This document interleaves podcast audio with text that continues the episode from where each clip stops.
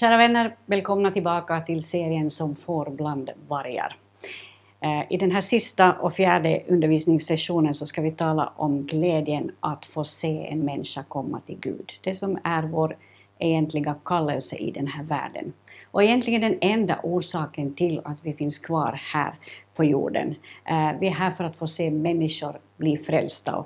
Det finns förstås, eh, i allt som vi undervisar eh, ur Bibeln så finns det alltid liksom en balansgång i det att det finns liksom olika aspekter av olika ämnen. Och när, jag, när jag nu talar om det här att, att livets mening är att få se människor komma till tro, Eh, så menar jag ju inte det att, att vi på något sätt ska strunta i allt annat som vi gör i livet och, och bara tänka att ingenting annat är viktigt eh, är, liksom, är viktigare än det. På ett sätt är det sant, nej, ingenting annat är viktigare än detta, att få se människor komma till tro.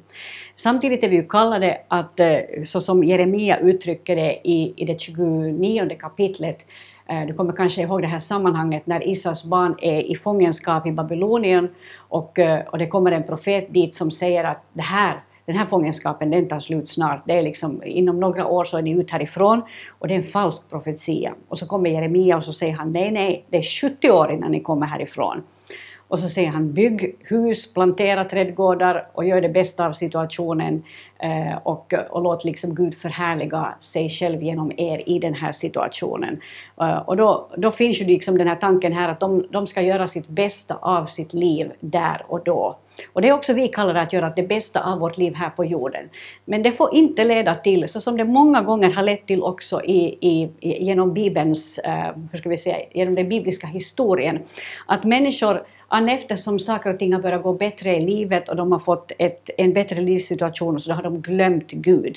Det står så här i Hosea 4 eh, och jag läser därifrån från vers 10 och framåt så här. Eh, de ska äta men inte bli mätta bedriva otukt men inte föröka sig, ty de har upphört att hålla sig till Herren.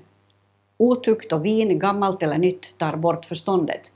Mitt folk frågar sin avgudabild av trä till råds och hämtar svar från sin stav, ty en otuktsande har fört dem vilse så att de bedriver otukt och överger Gud.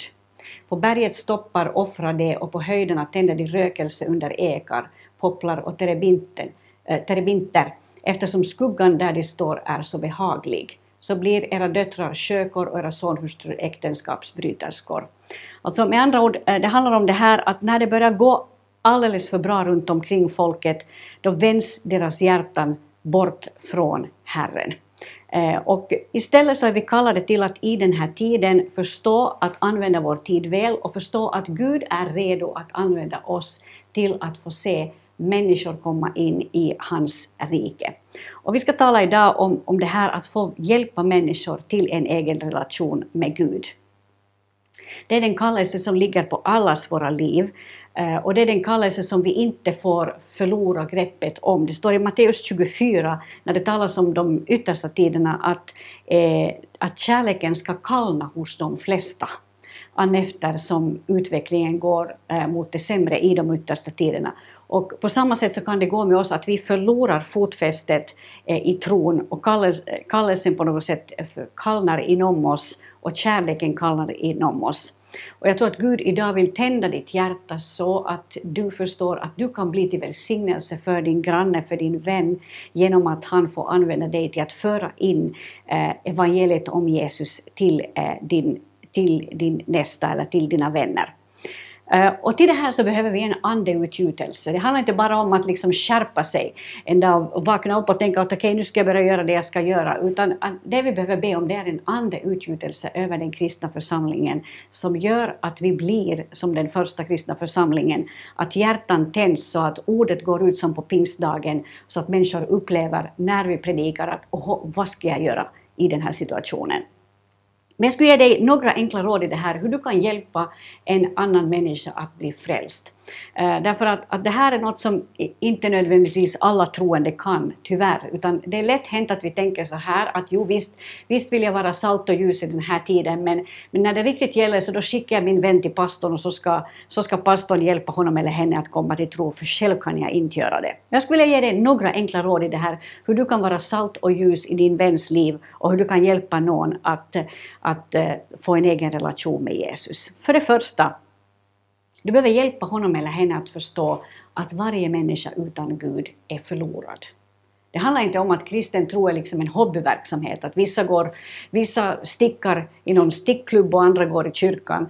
Utan, utan det handlar om detta att Jesus har frälst mig uh, ut ur ett mörker och ut ur en synd och ur syndens makt som jag inte klarar av att, att fixa själv. Det står i Efesierbrevets andra kapitel så här om det som Eh, det som är vår, vår kallelse och det som är utgångsläget när Gud verkar i vårt liv. Det står så här i vers 11 och 12. Kom därför ihåg hur det var tidigare. Ni var hedningar och kallades oomskurna av dem som kallar sig omskurna, med den omskärelse som utförs på kroppen med människohand. Ni var på den tiden utan Kristus, utestängda från medborgarskapet i Israel. Ni hade ingen del i förbundet med deras löfte. Ni levde utan hopp och utan Gud i världen. Den människa som lever eh, utan en koppling till Jesus Kristus lever utan hopp i den här världen. Och det är många som lever så idag. Och det behöver människor förstå för att, för att liksom get the point, för att inse varför man behöver bli frälst. Att om jag fortsätter mitt liv på det här sättet, så som jag har gjort eh, ända fram till den här dagen, så slutar det med förtappelse. Det slutar med en evig, eh, hur ska jag säga, evig fiendskap inför Gud. Jag behöver bli frälst. Det finns en synd i mitt liv som jag inte kan fixa själv. Och, och det är därför eh, som varje människa behöver få en möjlighet till att bekänna sitt livs alla allt elände som finns där, allt som har hänt, allt som är smutsigt, allt som stör ens samvete, allt som, som man tänker att om någon bara skulle veta om allt det här som finns i mitt liv så skulle de inte älska mig, de skulle, de skulle lämna mig. Allt det här behöver få komma ut och du behöver få känna att nu får förlåtelsen rinna in istället. Och det här behöver vi hjälpa människor att få göra. Få säga att nu får du med egna ord bara berätta inför Gud allt det som är, eh, är, är liksom i, ditt, i ditt hjärta och det som finns i ditt minne, allt det du har gjort som inte är rätt. Och, eh, och, det är viktigt att människor får göra det här med egna ord, att de själva får göra det, att vi inte är snabba och bara liksom ber om människors vägnar, att nu ber jag att Gud förlåter dig och så går vi snabbt vidare. Det är viktigt att människor själva får säga inför Gud att jag är ledsen att det här har hänt i mitt liv. Jag är så ledsen, förlåt mig, förlåt mig, skölj igenom mitt liv. Och eh, när det här sker så får människan bli förlåten, får människan bli renad och genomsyrad av, av Jesu egen kärlek. Och när vi har hjälpt människor att bekänna sin, sin synd så behöver vi också hjälpa eh, henne att, att förstå att det finns en frälsare. Det står i Romarbrevets femte kapitel så här. Och det här kan vara bra att läsa till den som har bekänt sin synd. Det står så här i Romarbrevet 5 och jag läser där från vers 1 och framåt. Förlåt, jag tar från vers 6 och framåt. Medan vi ännu var svaga dog Kristus i, ogudak, i det ogudaktiga ställe när tiden var inne. Knappast vill någon dö för en hederlig människa. Kanske vågar någon, dö, någon gå i döden för den som är god. Men Gud bevisar sin kärlek till oss genom att Kristus dog i vårt ställe medan vi ännu var syndare.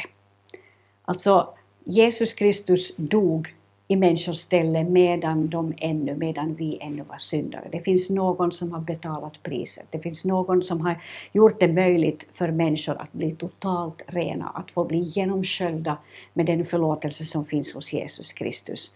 Och det behöver vi presentera för människor, det behöver vi säga rakt in i deras liv.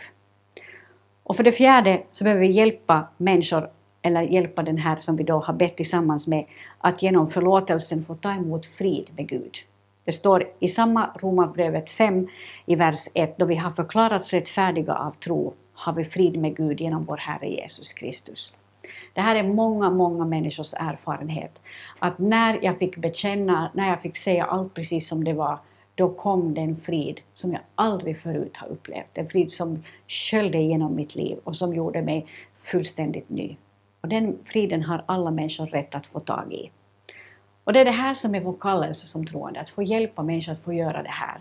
Kallelsen är inte att förverkliga sig själv, bygga fint hus, eh, köpa segelbåt, eh, gifta sig med den absolut bästa man kan tänka sig. Allt det här är förstås välsignelser som Gud kan strö över våra liv, men det är inte vår kallelse. Vår kallelse är att få hjälpa människor hem.